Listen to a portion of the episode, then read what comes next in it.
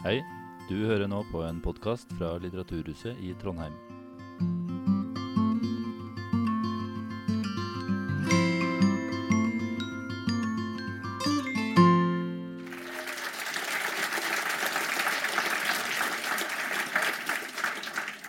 Yes, eh, velkommen. Eh, Sist eh, jeg hadde en lignende prat med deg, Anne, eh, så hadde du gitt ut ei bok om ei mor og en ganske forferdelig sønn. Og du insisterte på at det her var definitivt ikke selvbiografisk. Ja, veldig.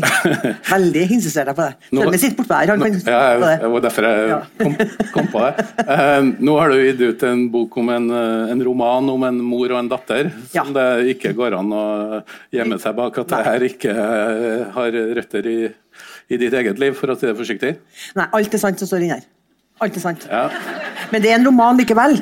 Fordi at uh, Når jeg skriver den, så skriver jeg den som en roman. Jeg skriver den med hode og hjerte. Hvis jeg skulle skrive en selvbiografi, så vet jeg visst hvor jeg skulle begynt. altså. For at uh, Det ville vært noe helt annerledes. det. Ja, det jeg mener det. Det ville jeg skrevet på en helt annen måte. Jeg skrev en biografi om Sigrid Undset.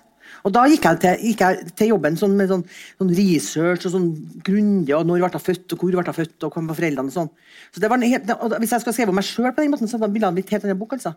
Men, eh, jeg tviler ikke på at alt som står her er sant, men likevel så skriver du også ganske mye eh, om deg sjøl og måten du skriver på. Og jeg kan tenke meg å starte akkurat med, for Du skriver også litt om det rundt tittelen. Eh, eh, boka her heter 'Muttra eh, og, meg'. Muttra og meg, som du ville ha sagt på trøndersk. Eh, og, og du sier et eller annet om forholdet mellom ordene, ordet 'muttra' og ordet mamma, som da og til bruker, men også ordet mor, som er deg helt fremmed Ja, eh, i omtalen av mora di. Kan du si litt om, om uh, For du sier at du brukte ordet 'muttra' for å få litt avstand. Ja, ja hvis jeg, skal, jeg, jeg bruker ordet mamma noen ganger òg. Men muttra, da er liksom Da er det hele, hele karkassen, da. Ja, og Jeg sa jo aldri muttra til henne. Jeg snakka om muttra da når hun var til stede. Og så sa jeg at muttra sa jo det og det, og muttra gjorde det og det. og sånn. Sønnen min sier morsan, det er ikke naturlig for meg. Men muttra sier både jeg og Eva. Jeg og søstera mi sier mu- muttra. Og um, mamma det, og mor var helt fjernt for oss. Helt fjernt for oss. Det var jo, noen av, det var jo flere av venninnene mine som hadde sa mor og far, og kalte dem mor og far. Jeg synes det er så rart ut. det. Det, handler vel litt om det handler vel litt om hva skal jeg si, eh, sosiolekt og klasse i Trondheim. Ja. folk som sier muttra og morsan, og folk som sier mor, eh, kommer gjerne fra litt forskjellig miljø. Min, handler, min erfaring. Jeg tror det handler litt om at mamma var dansk, altså. For at, eh, for at jeg sa mamma og pappa, alle sammen. Det er ingen som sa må der. Det var, da var de bitte, bitte små. Men når de ble litt større, så sa de mamma og pappa. Så jeg tror det handler litt om at jeg var dansk, altså. Ja. Selv om eh, alle som er her sikkert har lest boka. eh, Nei, det har jeg ikke. Eh, kjøpe nå. Så, så, så tenkte jeg, bare for å, for å sette en litt sånn setting for samtalen, så tenkte jeg å be deg om å, å, å lese eh, en bit eh, før vi fortsetter. Eh, eh, det er den biten som starter der, Ja. og så blar du rundt og så leser du ca. halve neste side, hvor Ja. du ser en strek. Ja.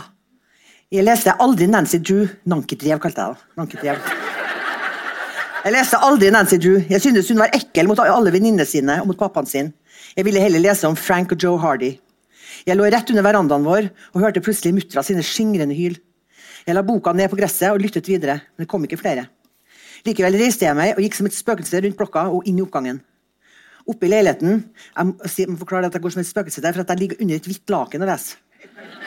For jeg tåler ikke sol, jeg får soleksem. da. Jeg var åtte år. Så jeg lå under et hvitt laken, så jeg gikk som et spøkelse rundt blokka og inn i oppgangen. Oppe i leiligheten lå muttra på den steinharde sofaen og gråt med hendene foran ansiktet. Jeg visste det kunne ha noe med å gjøre at hun hadde begynt å sende sosialtrygda på postanvisning nå. At de hadde begynt å sende sos sos- sosialtrygda på postanvisning nå. Muttra var så anspent for det. At noen skulle se det. Oppdaga det. Da han hadde tatt bussen til byen sammen med verste Eva, var det ingen som hadde visst hva hun skulle. Han spurte hvordan det var å gå rundt og fråtse i skattepengene hans. Hulket hun.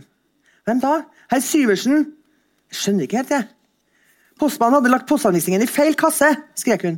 Den lå i herr og fru Syversens kasse, så nå vet alle det. Jeg sto med lakenet i den ene hånda og boka i den andre. Minnet har etset seg fast. Jeg husker jeg tenkte hvor dumt det var at hun lå og gråt når hun i stedet kunne ha sittet i verandadøra og solt seg. Ikke bry deg om det, sa jeg. Ikke bry meg om det.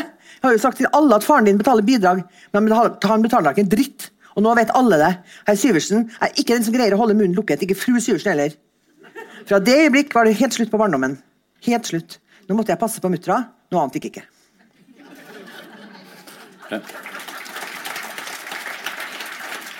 Det er jo ganske aktuell tematikk i dag, hvor det diskuteres eh, matkøer, sosialhjelp. Men, men du vokste også opp med eh, deler av barndommen at mora di levde av Ja. sosialtrygd. Som vi fikk eh, en gang hver 14. dag. På en tirsdag, husker jeg. Ja, og Tirsdagene var det gode dager. For Da var det godt til middag og alt mulig. Hun klarte ikke å porsjonere og dele utover sånn. eh, Så vi hadde ingenting de siste tre-fire dagene før jeg skulle få den igjen. da. Men da gikk dere ned til byen hva- før den her uh, endringa i at de sendte i posten? Ja. Gikk dere til byen? Nei, jeg var ikke, med. Eva var med. Ja. Men, uh, og da sto jeg i trappa der som Bajasso var. var der som er Fokusbanken nå. Danskebank, mener jeg. Der sto jeg i trappa i sånn, sånn, sånn vindeltrapp da, i trappetinnene. Og så bygde jeg meg opp da, etter hvert, så nå var hun og så mange alkoholikere. Fortalte hun. Men eh, du sier jo i slutten av det utdraget der at da måtte du ta deg av uh, Ja, mor da- Da, var du ti år gammel, var du ikke? Åtte. Åtte? Ja. Ja. og Da måtte jeg ta meg av på den måten at eh, jeg måtte ha kontroll på regningene. Fordi at eh, når, jeg, når det kom regninga, da så jeg, De lå på en fast plass oppi et skap. dem. Og det sånn overskap der som kjøleskapet stod. Og Der var det en sånn stor skapdør, og der lå de kunne jeg ta hånda så kjente regningene. Så var det et bilde av Jim Reeves på innsida av skapdøra. og Sånn. Og så jeg hadde full oversikt over hvordan regninga vi hadde, og hva, som, hva det kosta vanligvis. Sånn. Og på onsdagene så tok jeg, opp der, tok jeg frem regningene, så kikka jeg på det tallet som sto da. Og så så jeg på kalenderen når det skulle betales. Og sånn. Og så betalte jeg. Og så sa mamma, jeg må ha litt av pengene. Å ja, bare ta dem, du. Bare ta dem, du, sa.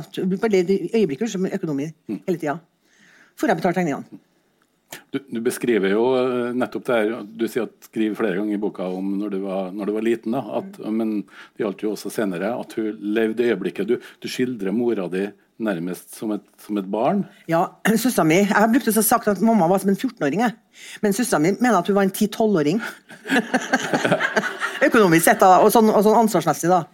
Og, men, øh, så Det syns jeg var litt drygt, da. Men øh, 14-åring, tenkte jeg da. Har jeg sett på som. Så hun hadde ikke noe, hadde ikke noe begreper om, om uh, Hun passa på at vi hadde rene klær, at det ikke var noe hull i klærne, at vi gjorde lekser, at vi fikk i oss mat, og at det var gullent rent hjemme. Men hun klarte ikke, også, klarte ikke å skjønne at jeg var mora vår på en annen måte enn det. altså. Og så, var hun veldig omsorgsfull for søstera mi, for Eva, Eva, var fem år, Eva er fem år yngre enn meg. Og hun var veldig syk da hun var liten. Så uh, Savosnik måtte komme sent og tidlig. Hun kunne sitte og leke, og så plutselig hadde hun 41 feber. Savosnik er da doktor, Doktor Savosnik, Savosnik, som ja. var en legende i Trondheim. Ja, en som- legende. Og han var vår huslege, nemlig hjemmelege. Så han kom, eh, Og så har han sagt at Eva hadde noe, da hun fikk lett feber. Jeg husker ikke hva det het. Det var noe sånn osegreier. At det der vokste av seg når jeg var fem år. Og fram til jeg var fem år, så passa mamma på som en geit. altså. Passa på hele tida. Og når jeg ble fem år, så Nå er du ferdig. Nå er det bra. Men, men det, det som jo utløste at uh, du, søstera di og mora di måtte ha sosialtrygd for å overleve, uh, var jo egentlig at foreldrene dine ble skilt. Ja.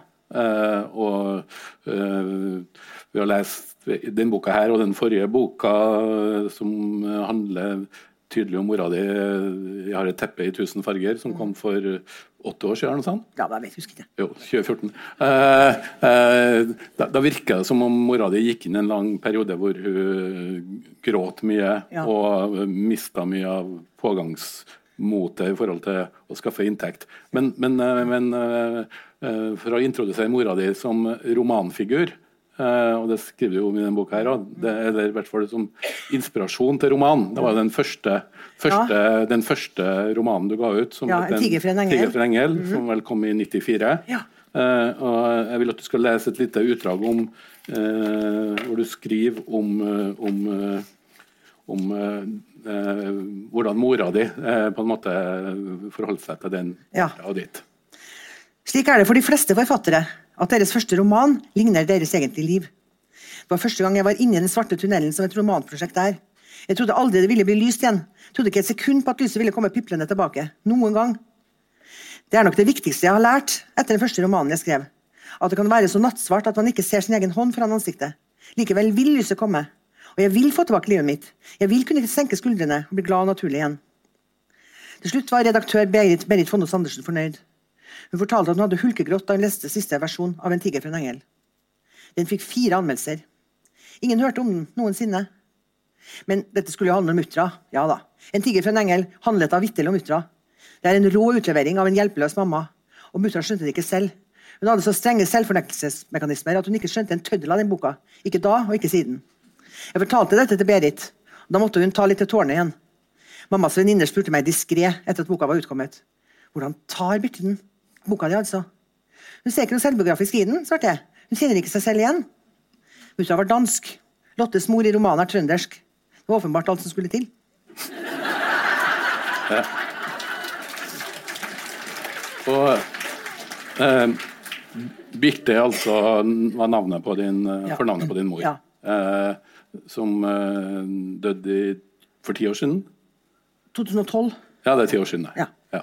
Eh, men hun var altså ikke klar over at hun var en eh, sentral inspirasjonsfigur i den romanen. Nei, ikke i den romanen, nei. Eh, eh, det er jo tre, eh, særlig tre bøker eh, om eh, mora di du skriver eh, Ja, det er det fjerde, da. Ja, det er tre andre du skriver om i den, Ja. i den, eh, i den eh, boka her. Og eh, for nummer to så var det litt omvendt. fordi at da fikk, eh, Og det er jo kanskje det, det et viktig mellomsteg frem til din store gjennombrudd, uh, berlinerpoplene, som vi ikke skal snakke om her, men nemlig den boka som heter for 'Arsenikktårnet'. Ja. Eh, Den beste boka jeg har skrevet. ja. Ja. Uh, så, og den kom i 2004.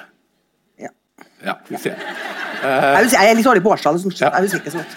Men der, men der eh, ba du Skriver du her at du ba eh, fikk mora di til å skrive ned ting fra Ja. sitt uh... Jeg sa til at du må, jeg, jeg skal jobbe med noe, mamma.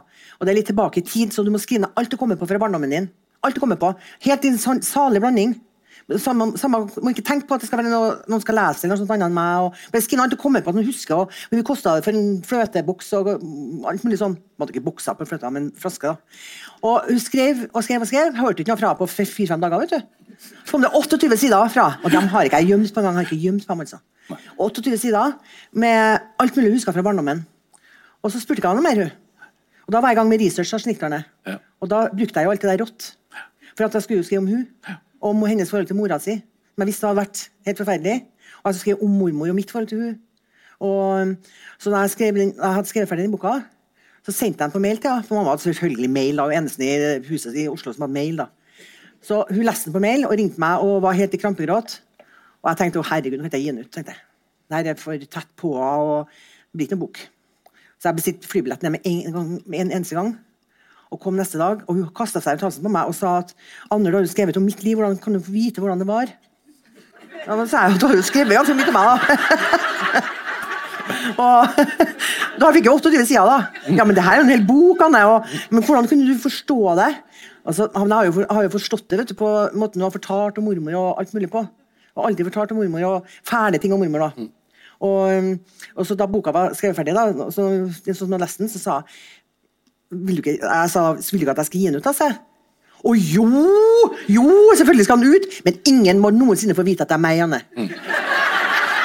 Og det, For at boka starter nemlig med at, at uh, hun får vite, mamma får vite at mormor er død. Og hun ringer til meg og er fullt av jubel, altså.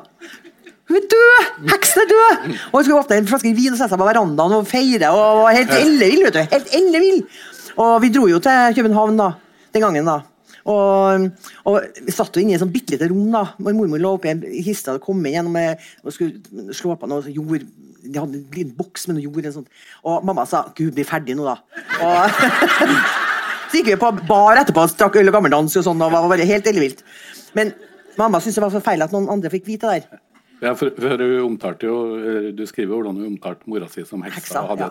et ekstremt dårlig forhold dårlig. Til, noe rart. til, til den familien. Men, men det gjorde jo også til at du, når den boka ble lansert, eh, gjorde som mora di sa, Ja. og sa at den eh, boka her var ikke Ren, ren fiksjon. Ren fiksjon. Og de satt, alle som spurte liksom, de her må da være ekte, for det må da være stam fra ditt eget liv. eller noe sånt. Nei, sa jeg, det er ren funksjon. Ren funksjon dikta opp alt sammen.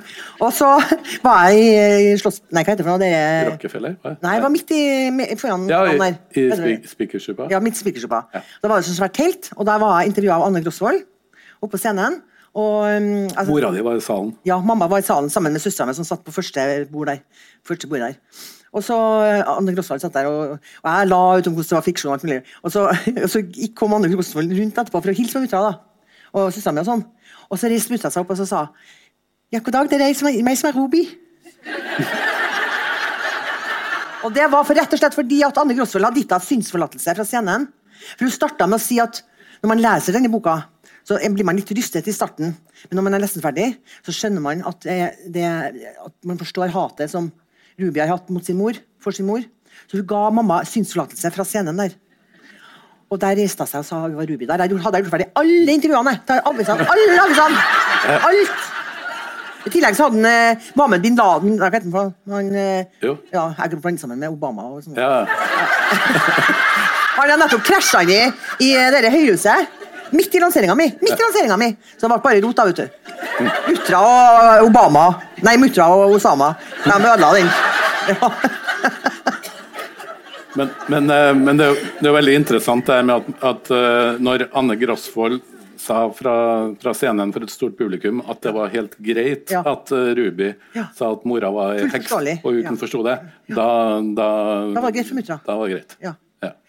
Eh, det var jo de to, eh, de to romanene, og så kom jo den boka. Den boka her eh, vil jeg jo nesten si virker for meg både som en slags forløper og fortsettelse Ja. av eh, 'Jeg har et teppe i tusen farger', som kom eh, Som ble vi enige om i sted, for eh, åtte år siden. Ja. Ja.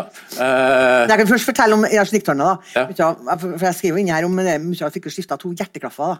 Ikke samtidig, men hver sin gang. Og hver gang hun var på sykehuset, for noen andre ting også, da, så kom det bestandig en sånn telefon. 'Anne, kan du sende noen av arsenikktårnet?' og nå da skifta andre hjerteklaffen, så ville jeg ha åtte stykker tilsendt. Åtte stykker. Så man skulle dele, dele ut til legene og alle da, som ble det. da. For det var visittkortet hennes. For at hun hadde når Torstein stå for den, at det var hun som var Ruby, så var det, tenkte jeg å få skrevet en bok om sitt liv. Det var det jeg hadde gjort, vet du. Og forklart hvorfor det har blitt sånn som det har blitt, og hvor hatet hennes kom fra. og- Så du var jo ganske heldig òg, da. Syns jeg nå. Men det, det, det, mora di var jo eh, klar over at, eh, at hun ikke hadde lenge igjen når du Ja. sa til at du var i gang med den eh, 'Jeg har et teppe i tusen farger'. Eh, Så det er en bok som både handler om, om eh, sykdommen til mora di, og noe eh, av forhistorien, og noe av, eh, av eh, eh, også eh, det som eh, oppveksten Så jeg berører noe av det samme, men, men de, de skiller seg jo på et vis fra, det, fra hverandre, de to bøkene. Eh, Den eh, forrige preges av at den er skrevet ganske tett på at Ja. mora di døde, og at du eh, kanskje også eh, stille deg litt mer til doms over deg sjøl knytta til eh, ting i, i forhistoria. Eh, mens den boka her preges av litt mer avstand, og det skriver du også om når du, at du bruker muttra. Eh, du, du, Det er en morsommere bok her, da.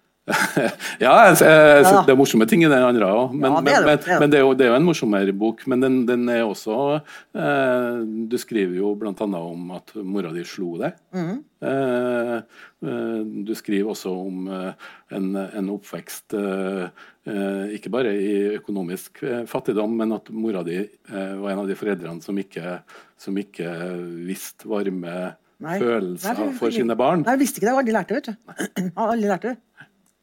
Aldri lært det. Og det har jeg med litt om det her òg, da. Ja. Med, når jeg var tre år og fikk av meg. Og, men det var, husk på, når jeg var liten, så var ikke barn var ikke noe, var ikke noe spesielt med barn. Det var bare ungene til noen. Det var ikke det. det var ikke noe spesielt. Og bare vi kom inn til rett tid, til når vi skulle ha middag, og, eh, eller hvis det var helg, så var det litt annet tidspunkt, da. og ikke ha hull i klærne, så var det greit. Brydde seg ikke om noe annet. Og når vi begynte på skolen, så fikk vi armbåndsur. Så vi måtte lære. Og de som ikke kunne klokka når de begynte på skolen, de hadde problem. Så det måtte vi lære før vi begynte på skolen. Og da hadde vi ikke noen regler for noe. Vi for jo raida på Klaumarkedet. Vi for jo holdt på med alt mulig. Tror vi. Bygd hytte opp i trærne, og ingen som spurte eller var interessert i det. Sånn at Det å være barn i gangen det var noe helt annet det, enn å være barn i dag. I dag er vi hylla som små helter alle sammen. Men vi var jo helt alene, vi. Helt alene. Men du, du skriver jo også der at, at uh, særlig én gang hvor mora slo deg sånn at du rømte Valentin valentinlyst. Ja. Uh, for du knakk en tann, eller delvis? Ja, for du slo meg sånn. Hun følte at når du slo sånn, så var det ikke å slå, det var å slå sånn. Da slo man. Men når du gjorde sånn, da var dask, da. Så hadde hun sånn Ja, det var det. Så hadde han en ring da med stor stein som slo ut spytteren i fortann til meg. Og det var vondt, altså.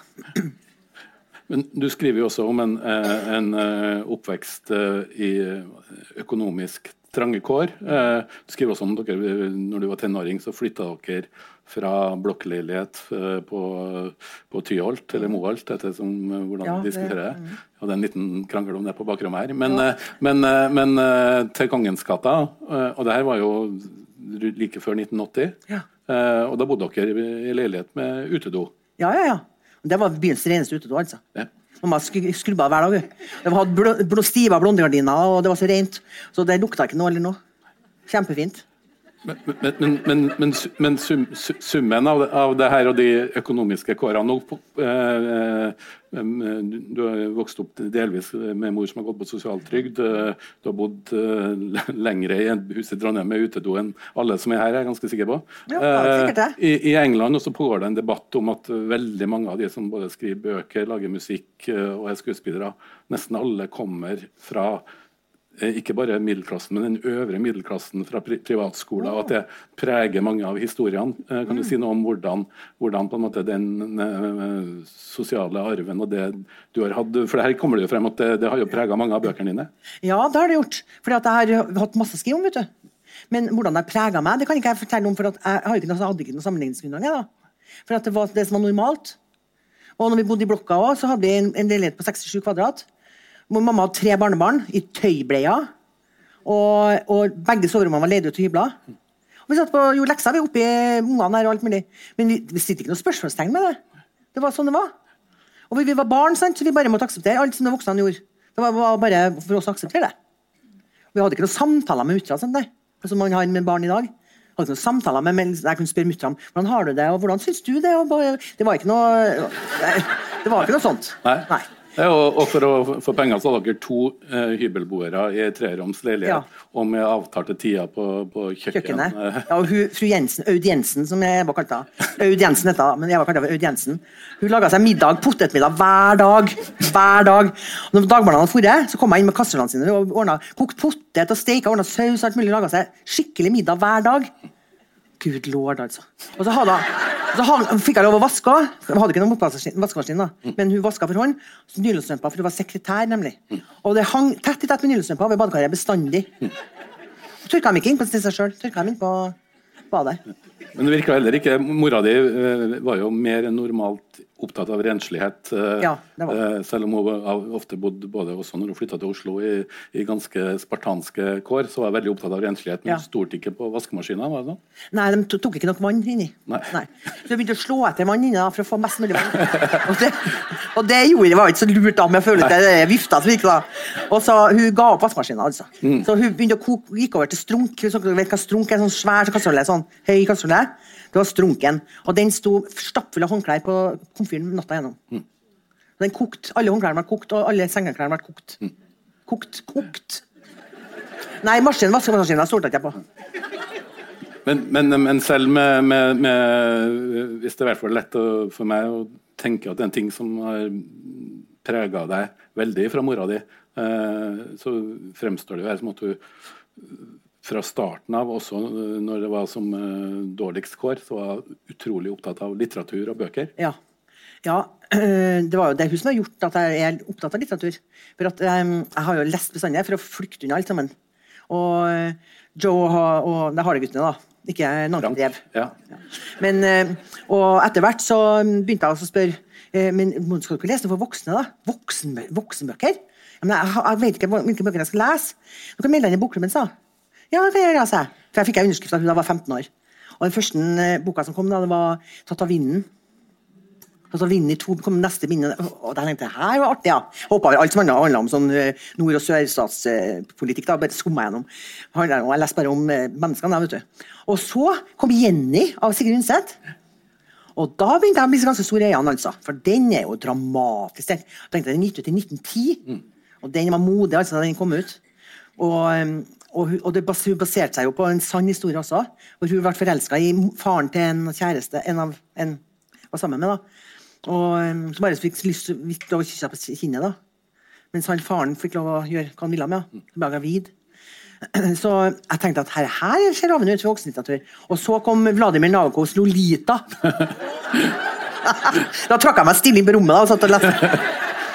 Og tenkte Jesus Christ! Det der er artig!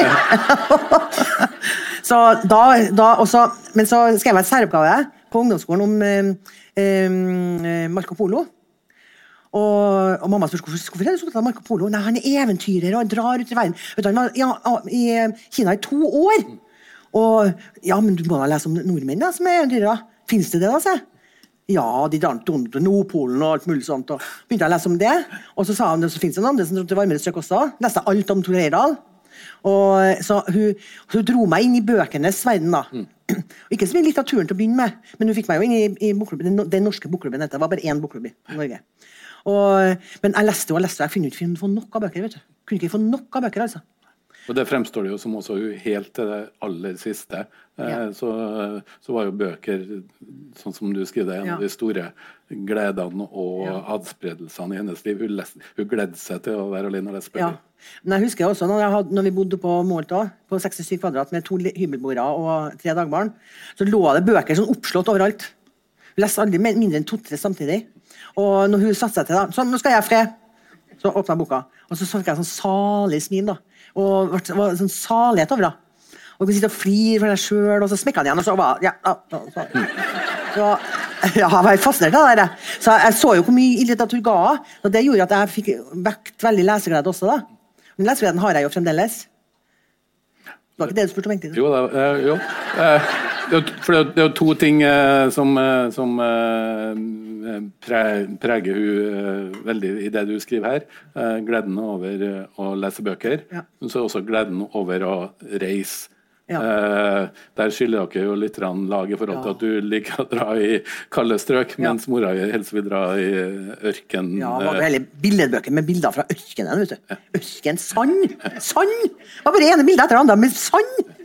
Men den, eh, vi, skal, vi skal komme tilbake til den, eh, den eh, heisaturen til Ja, Oman, ja. eh, som jo er utgangspunktet litt for at Ja. du begynte å skrive den boka. her, skjønner jeg. Men den kanskje mest utrolige reisa for meg som leser når jeg leser boka her, det er hvordan eh, ei mor eh, med dårlig råd og ei datter Du var vel da 14, og dattera di, søstera di var 9. eh, Og dere har fått hund, og så bestemmer mora at dere skal dra. Dere har ikke bil, Nei. og så bestemmer mora deres at det er en god idé at dere skal dra på hundeutstilling i Sundsvall. Ja, ja det fint jeg var en god idé. Da skal vi haike dit, da. Skal haike dit. Og da det skjedde, kan jeg love dere at jeg syntes det var artig. altså. Men eh, det gikk en ti års tid før jeg klarte å flire av det. Men det var galskap. Ramlende galskap. Vi ble kjørt til Meråker. Og så satte vi opp et telt der. Alle vi hadde aldri satt opp et telt i sitt liv. Og ingen av oss hadde gjort det, så vi fikk det noe til på noen skakkvitser. Og der var det Det kunne ha hett mygghøle, campingplassen. Det var en sånn mengde av mygg at det var ikke Mutter'n måtte sitte og strirøyke i inngangen. Ja, jeg, I boka så ber du mora di om å røyke mer. Ja, røyk mer, røyk mer, sa og de kom jo inn. Kom inn da, vet du. Og Nussi, da, hunden, vært festa utom da, vet du, i 15 teltplukker som har flådd opp og sprang etter sjau, og det var bare helt galskap. Og så hadde, og så hadde vi ingenting på ryggen. Vi hadde ingenting på ryggen. Ikke en sekk. Ikke en sekk, kunne ikke forstå det. Vi bar alt i hendene. Ja, det var helt, helt sykt, altså. Dere, kan lese alt om den her, altså. Ja. Det er en, eh, er en eh, spesiell reisebeskrivelse. Ja, veldig spesiell. spesielt. Av en spesiell reise, skal jeg si det. Og alt er sant. Men, men så lurer jeg på en ting når det gjelder eh, forskjell, forskjellen på den boka her og den eh, 'Jeg har et teppe i tusen farger', eh, som jo begge er eh, romaner. Eh, og som begge vil jo sikkert si at alt eh, Men det er noen små nyanseforskjeller mellom dem. I, i, i, den, eh, I den forrige boka så heter søstera di Elin. Ja. Eh, mens boka er tilegna Eva. Så. Ja, ja, ja, for jeg visste ikke helt da, vet du, om man, hvor man, man ville likt det sånn. da. Men eh, hun syns det er helt greit. du. Ja. Hun, synes det, hun er jo blitt noen år, hun da. Så uh, hun skiter opp i sånne ting nå. Så det blir jo så Så hun heter Eva Njæra. her, ja. Ja. Eh, men, men eh, ellers, da, det, det, eh, så får jeg litt sånn altså, Du skriver jo også om en del hvordan bøkene dine blir til. Eh, også de som ikke eh, handler om mora di. Ja. Eh, Ja, sånn sett er er det jo her ganske selvbiografisk, da. For jeg ja, har skrevet om det sånn. Nei, jeg, jeg får jo litt assosiasjoner til en sånn mikro, eh, mer humoristisk utgave av Min kamp i, eh, i ett bind. Jo, jo, men i forhold til, eh, i, for, i forhold til hvordan, hvordan du har på en måte skrevet deg gjennom, gjennom, gjennom Livet. Mm. livet. Eh, og så er det jo den uh, utrolig kontrast mellom, uh, mellom den scenen uh, hvor Syvertsen har oppdaga at dere lever på sosialtrygd, Ja. og like etter den enorme suksessen din med berlinerpoplene, hvor du, hvor du, og det er før dere bestemmer dere og planlegger for å dra til Oman, Ja. så sier du at du, da har du kommet til et punkt i livet hvor du, hvor du ringer telefonbanken og flirer. Ja. Jeg hadde et hadde sånt ritual hver morgen. Jeg. For at, der røyka jeg inne, da. Og, så, for da, og nå, plutselig var telefonbanken borte nå. For et par år siden. Det var ikke telefonbank lenger. Jeg har ikke fått vite noe om det. Men da hadde jeg, gikk jeg ut på verandaen etter at jeg spist drukket kaffe og lest avisa. Gikk jeg ut på verandaen, tente første røyken, ringte telefonbanken for å høre salmoen.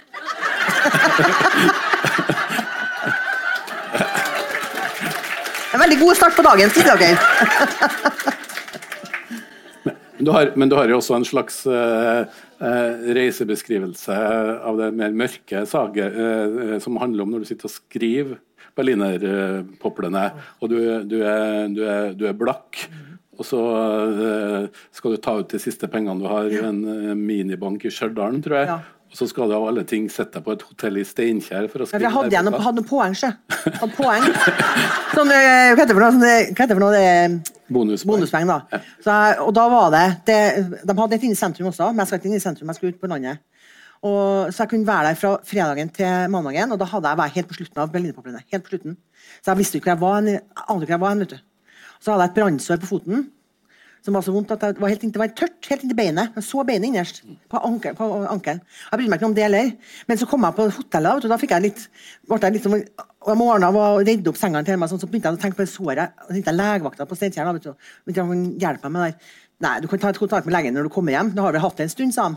Ja, hatt det en stund, ja, men jeg har jo av boka, da, du, så da brydde jeg meg om noen ting. Og jeg satt med foten og lunka, bøtte med lunka vann. Jeg fikk en bøtte ned, da. Satt oppi lunka vann for å dempe smerten litt. da. Å, herregud. Og så var jeg på, var jeg på ta ut siste pengene mine på Stjørdal. Og så gikk jeg fra dem i minnebanken. Gikk fra dem. Bare tok, tok meg kortet, og så bare 1500 kroner var det. Og så fikk jeg meg forfra.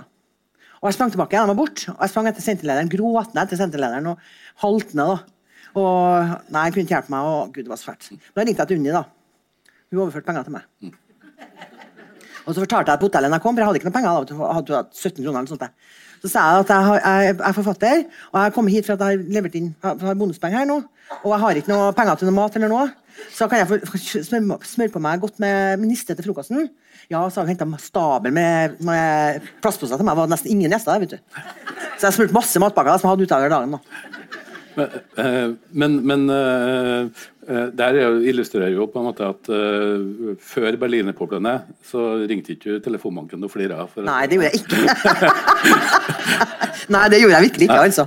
Nei, for det, for det er jo en, det er jo et poeng i det her. Og du, du, du skriver jo også om hvordan eh, eh, Si at det var fire anmeldelser av den første boka di, og eh, frem til berlinerpoplene så var, var det jo ikke en uh, verken spesielt eh, økonomisk lønnsom eller, eh, eller fremtredende forfatter. Og så eh, Mora di ville eh, tips, Du skriver om hvordan du i starten på karrieren så skrev du jo mye krimnoveller. Ja. Og, eh, Mora di ville at du skulle skrive mer krimbøker. Ja.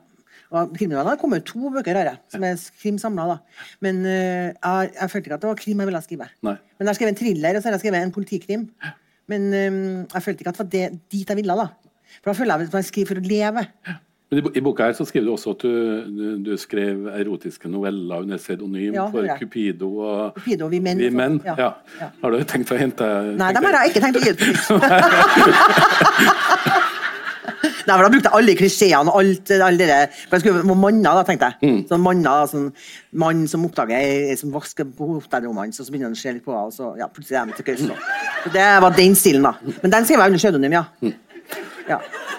Men du, du skriver også om dine, dine, ritualer når du skriver bøker, at du ikke vil fortelle til noen hva du holder på med uh, før, du er, før, du er, ferdig. Og du forteller også om hvordan du, du lever med romanpersonene ja, ganske tett. Og det kan jo gå hardt for seg. Du har jo, En ting var jo det såret, du har vel også både knekt ryggen og hadde mavesår, blødende mavesår. Blødende mavesår ja. med, men, men, du sier at du lever med, med personene. Ja, eh, nå når du nå har skrevet din andre bok om, uh, om mora di, selv om det er mye om deg inni her òg, Eh, har, har, forholdet til ditt til hun utvikla seg gjennom arbeidet med den boka? her?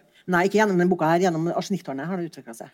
For da, da, jeg skrev ferdig Arsenikktårnet, så tenkte jeg at jeg kommer aldri mer til å klare å være sur på muttere. Aldri til mer til å være sint på. Gikk 14 dager, så var jeg dritforbanna. Det, det gikk fort over, da. Men, eh, men da syntes jeg det var veldig fælt å, å, være så tett på henne som barn. Lite barn. Og, og ha en sånn mamma som hun heller hadde ikke noe sammenligningsgrunnlag til. Sånn, hun trodde at det var sånn å ha, ha mor. Hun. Mm. Så um, hun, hun, trodde at det var normalt. Hun var på kostskole på Kastrup. Og de bodde på hele Lidmeir på, Amanger. Det var ti minutters kjøring. Var på kostskole. Kostskole er fengsel. Mm. Og hun fikk ikke komme hjem i helgen eller noe. Og de dro på ferie til og med uten henne. Mm. Men hun, bare aksepterte at sånn var det. Sånn at jeg kom veldig nær på henne når jeg skrev Sniktalen. Altså. Det, det, er en veldig forsonende tone, både særlig i den forrige boka, men også delvis i den her. Men så er det noen ting som, uh, som er en som litt agg. Jeg får inntrykk av gjennom begge bøkene at du egentlig aldri tilga at hun flytta fra Trondheim eh, til Oslo når du var i slutten av 20-åra og nettopp har fått, et, eh, fått en Nei, det syns jeg var rått gjort. Ja. Jeg, var gjort. jeg var litt lettet, da. Jeg var litt neva, da. Men eh, jeg syns det var rått gjort, da. Det syns jeg var veldig rått gjort. Jeg ville ikke gjort det. Jeg, om barnebarna mine hadde flytta til det Kuala Lumpur, så jeg, da jeg tenkt at ja, jeg sitter Kuala Lumpur, skal jeg ja. Fins jo mail og sånn, så det er greit. Men, hun bodde jo i, når hun bodde jo mange, mange år i Oslo. Hun bodde jo 30 år. Noe sånt, ja, noe sånt, ja. ja. Eh, og, og tidvis, tidvis, veldig kummerlige ja, forhold på, på, hemsen til en gresk familie. Ja, Gud, det var helt forferdelig. altså, helt forferdelig. På hemsen, åpen hems. Åpen hems! Det var åpen på halve sånn hemsen. sånn. Så, så, jeg kunne se ned til hva de gjorde. Han lå på sofaen og så på TV og leste avis og, og snakka gress, så vi skjønte ikke hva de snakka om. da. Men, eh, men eh, det var helt pussig. Og da var jeg så stolt da, for at jeg hadde, som hadde det så fint oppå der. og hadde en liten sånn, en stol sto en kaffetrakter. og Nei, det var helt Vi bodde ikke lenger da. For det var så langt opp fra bussen. ut og inn. Så, men, eh, men, hun hadde ikke, hun følte seg sånn når hun flytta til Oslo, så følte hun seg sånn fri. Da Da var det liksom sånn Stå på eventyr igjen, du. Jobbe på Manpower og ha noen fri noen dager. og liksom var, levde livet, da. Med tingene sine på en krakk. Mm. Og så virker det jo som hun gradvis, særlig en del, av uh, ditt suksessfulle forfatterskap hun satte veldig pris på, nemlig at du, du kom til Oslo og tok henne med på Tanum, og så fikk hun ja. plukke de bøkene hun trodde, og, ja. nei, hun ville, og ja. trodde at det var forlaget som betalte. Ja, men det var, det var for, det, sånn var det, altså. Og, og hun bare fråtsa. Hun var, hun satt og, først vi, gikk vi på Bristol og spiste, og så var vi på Tanum etterpå, for da Tanum rundt hjørnet der. Og så, had, og så sa hun må bare ta bøkene du vil ha. da. Ja, kan jeg det, da? sa ja, du kan gjøre det, sa han. Tok opp, dro opp den lista, vet du. Da hadde jeg sittet laga Og kom og stavla på disken. vet du. Stavla, stavla, stavla. stavla. Nei, men hun visste at jeg betalte bøkene. Mm. For hun visste, for at Bøker lot hun seg påspandere. Bøker og reiser. Det var en eget hjørne på hodet hennes. Mm. Bøker og reiser. Det er for at det var så viktig at det, det godtok at jeg spanderte på henne. Men jeg skulle kjøpe seng til henne. Og sendte meg penger til seng. Og kjøpte seg rammemadrass uten overmadrass. Det oppdaga jeg når hun lå på sykehuset og skulle dø. da. For da skulle jeg ligge, bo i leiligheten hennes. Og jeg la meg på den steinharde senga, og så var det ikke overmadrass på den. Da hadde hun ligget flere år på, uten overmadrass. For da skulle skulle brukt penger på det, altså. Men bøker og reiser, det var greit at det spanderte på, ja. Så eh, er Det noen sånn, eh, det var mye, mye å flire av, mye morsomt og mye frodig. Men så er det noen litt sånn såre punkt i boka hvor eh, kommer noen sånne små hentydninger om at du får en følelse av at hun kanskje er litt misunnelig på deg og søstera di. Ja, men det, da er vi tilbake til at jeg er på tolvårsstadiet. Ja. For, at, uh, for, for, det livet som dere har fått, som, ja. og hennes liv kanskje ikke ble sånn som ja. hun hadde ønska. Og da kunne ikke hun kunne ikke fryde seg på, på våre vegne. Det kunne ikke jeg gjøre. For da ville hun ha det likedan.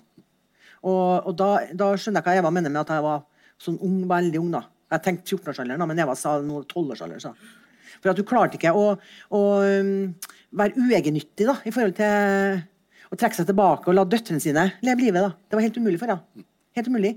Da skal hun være med på det. Skal være med, skal være med, skal være med. Og når jeg kom til Oslo, da, så var jeg jo med, kom jeg overalt, selv om jeg ikke hadde sagt noe på forhånd til at jeg var der og der. eller sånt. Så bare, tsk, der var jeg med rullatoren, liksom.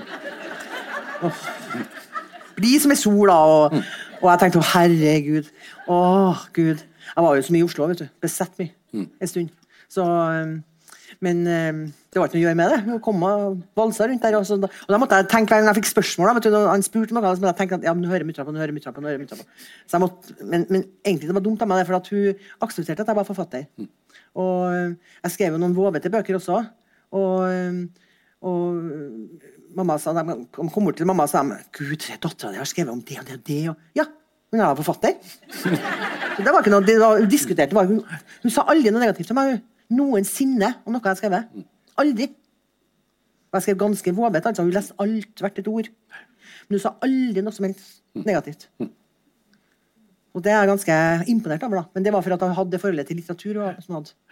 Hun var et litterært menneske. da. Jeg tror det var en tidlig anmeldelse i Aftenposten, eh, hvor, eh, litt sånn lunken anmeldelse, hvor anmelderen skrev at uh, Anne B. Ragde har et visst talent for å skrive om det vulgære. Ja. Men jeg, jeg, jeg, Terje Stemland i Aftenposten skrev også at eh, det her, den jeg husker ikke, jeg var bunnforhold.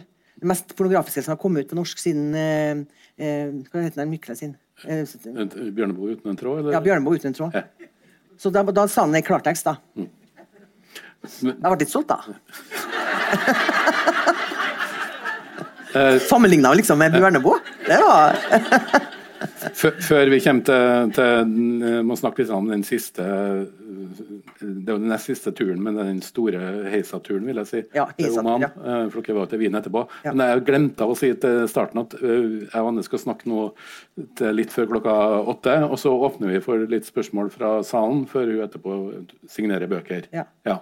så hvis noen uh, har noen spørsmål, så kan de tenke på dem nå mens vi går inn i siste fase i den praten her. Men, eh, men eh, bare et annet bilde på hvor motsetningsfylt mora di virka å være, var jo at eh, når, når uh, hun fikk seg, fikk seg jobb, så begynte hun å jobbe på plastposefabrikk mm, i i Trondheim. Og hun jobba da kveldsskift Ja. fordi at det var bedre, bedre betalt. Ja. Og jobba der i mange år. Likevel så, så stemte Høyre og, og hadde den dypeste forakt for eh, Arbeiderpartiet Dypeste og, forakt. og LO. Ja. Og ba til og med om at du må ta med det i den forrige boka. Ja, hennes. vi gjorde det. da hun var, lå for døden, da, eller satt for døden, da, jeg nesten si. På sykehuset på Furuset sykehus. Så sa jeg jo at jeg skulle skrive om det her.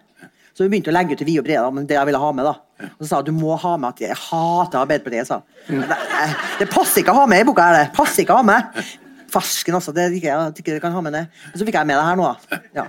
For hun virkelig hadde den dypeste avsky. Dypeste avsky for Hva, LO. hva skyldtes det? Det skyldtes at uh, LO hadde toppledere som ikke var valgt av folket. Var valgt av medlemmene. Og, og som satt og hadde makt over et annet parti. Det syntes jeg var kokkelig munke og snusk. Det syntes jeg var helt feil. Hun var jo også, og det gjør det i forrige boka, eh, at hun var veldig kritisk når du meldte overgang til oktober Ja, forlag. Gud, da var jeg helt vrak. vet du. Jeg ringte og sa at jeg skal gå til oktober nå. Å herregud, Vi hadde vært naboer vi med Oktober bokhandel. Og det var bombetrusler annenhver dag. vet du. Sto ute i trikkskinnene i nattkjolen og, og morgenkåpe. og Hun var jo så fedd på av oktober. Jeg fikk ikke lov å gå ned og handle på butikken der. Jeg fikk ikke lov til å sette mine bein. Men det gjorde jeg. Jeg kjøpte sånn kinasko og alt mulig sånn. Men hun skjønte ikke at de hadde det der. da. Men hun, hun hata det røde. Det røde, altså.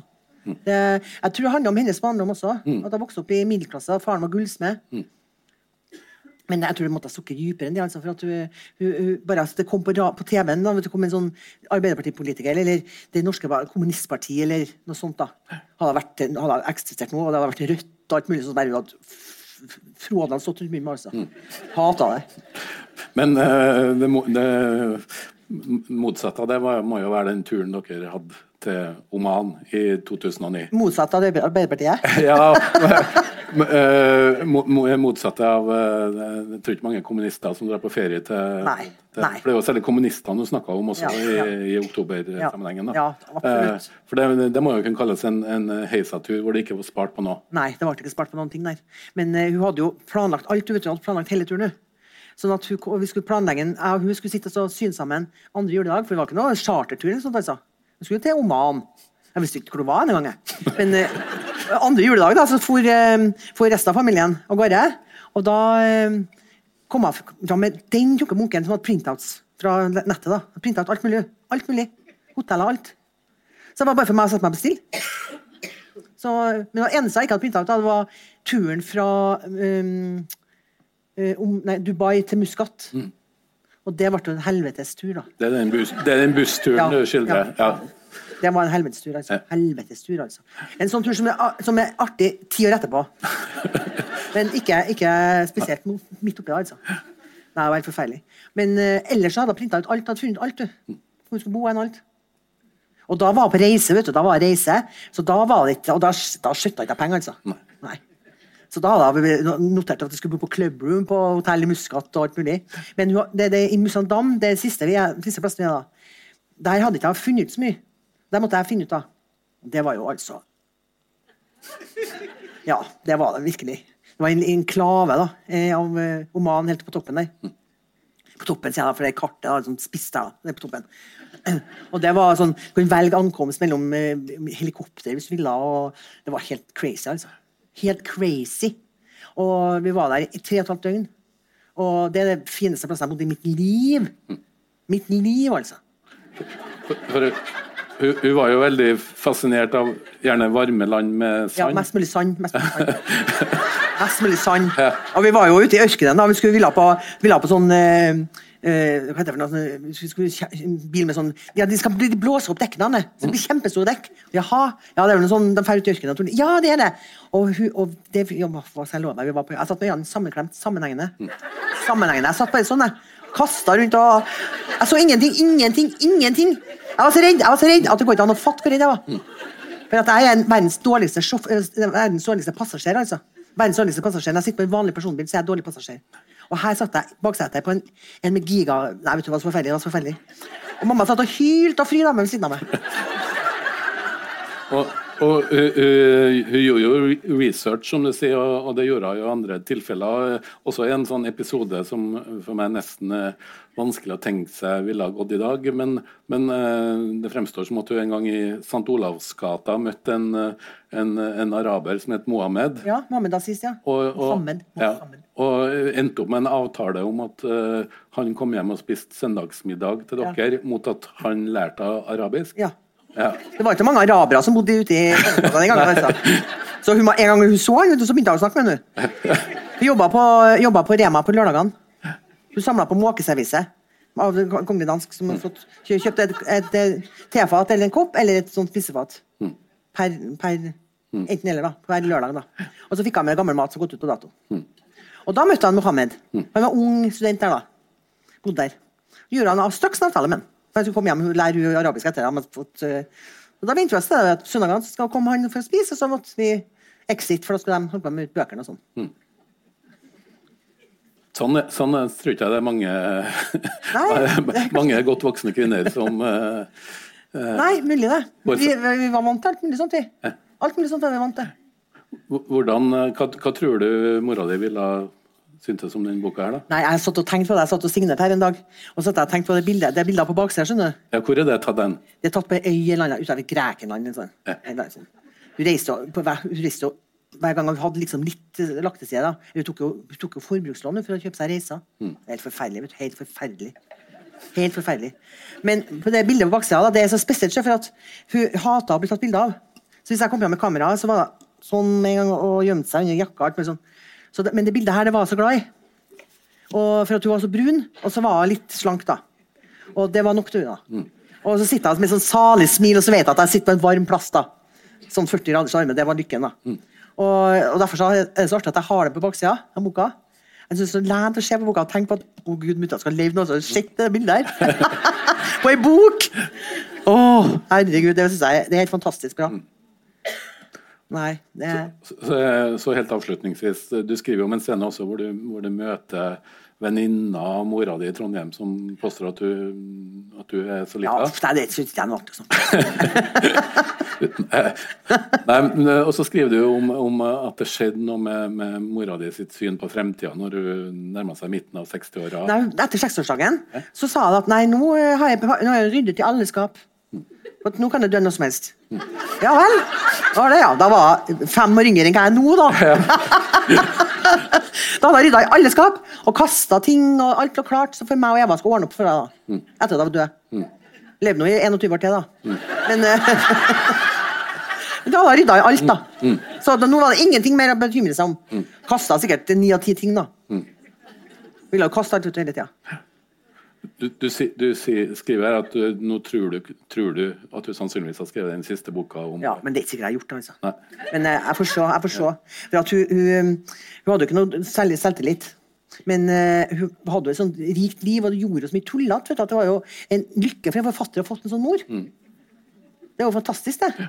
En Guds gave. Ja, det, det er jo historien. Vi har bare vært innom noen av historiene her. ja, ja. Eh, kjøring til Klettkrysset fra Haike til Istanbul. Ja, ja, for eksempel. Det har vi ikke nevnt. Den har vi bare hoppa over.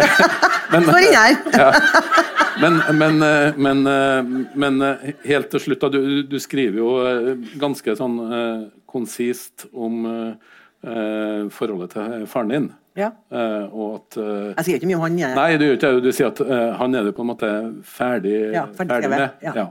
Så det kommer ikke noen flere, det kommer ikke noen bøker om han? Eller? Nei, nei, nei. Men nei, jeg vet ikke om jeg er ferdig med mutter'n, nei. Nei. Yes, da har vi snakka i vår eh, tilmålte fri. Takker for eh, oppmøtet, og Anne signerer bøker. Ja, gjør det gjerne.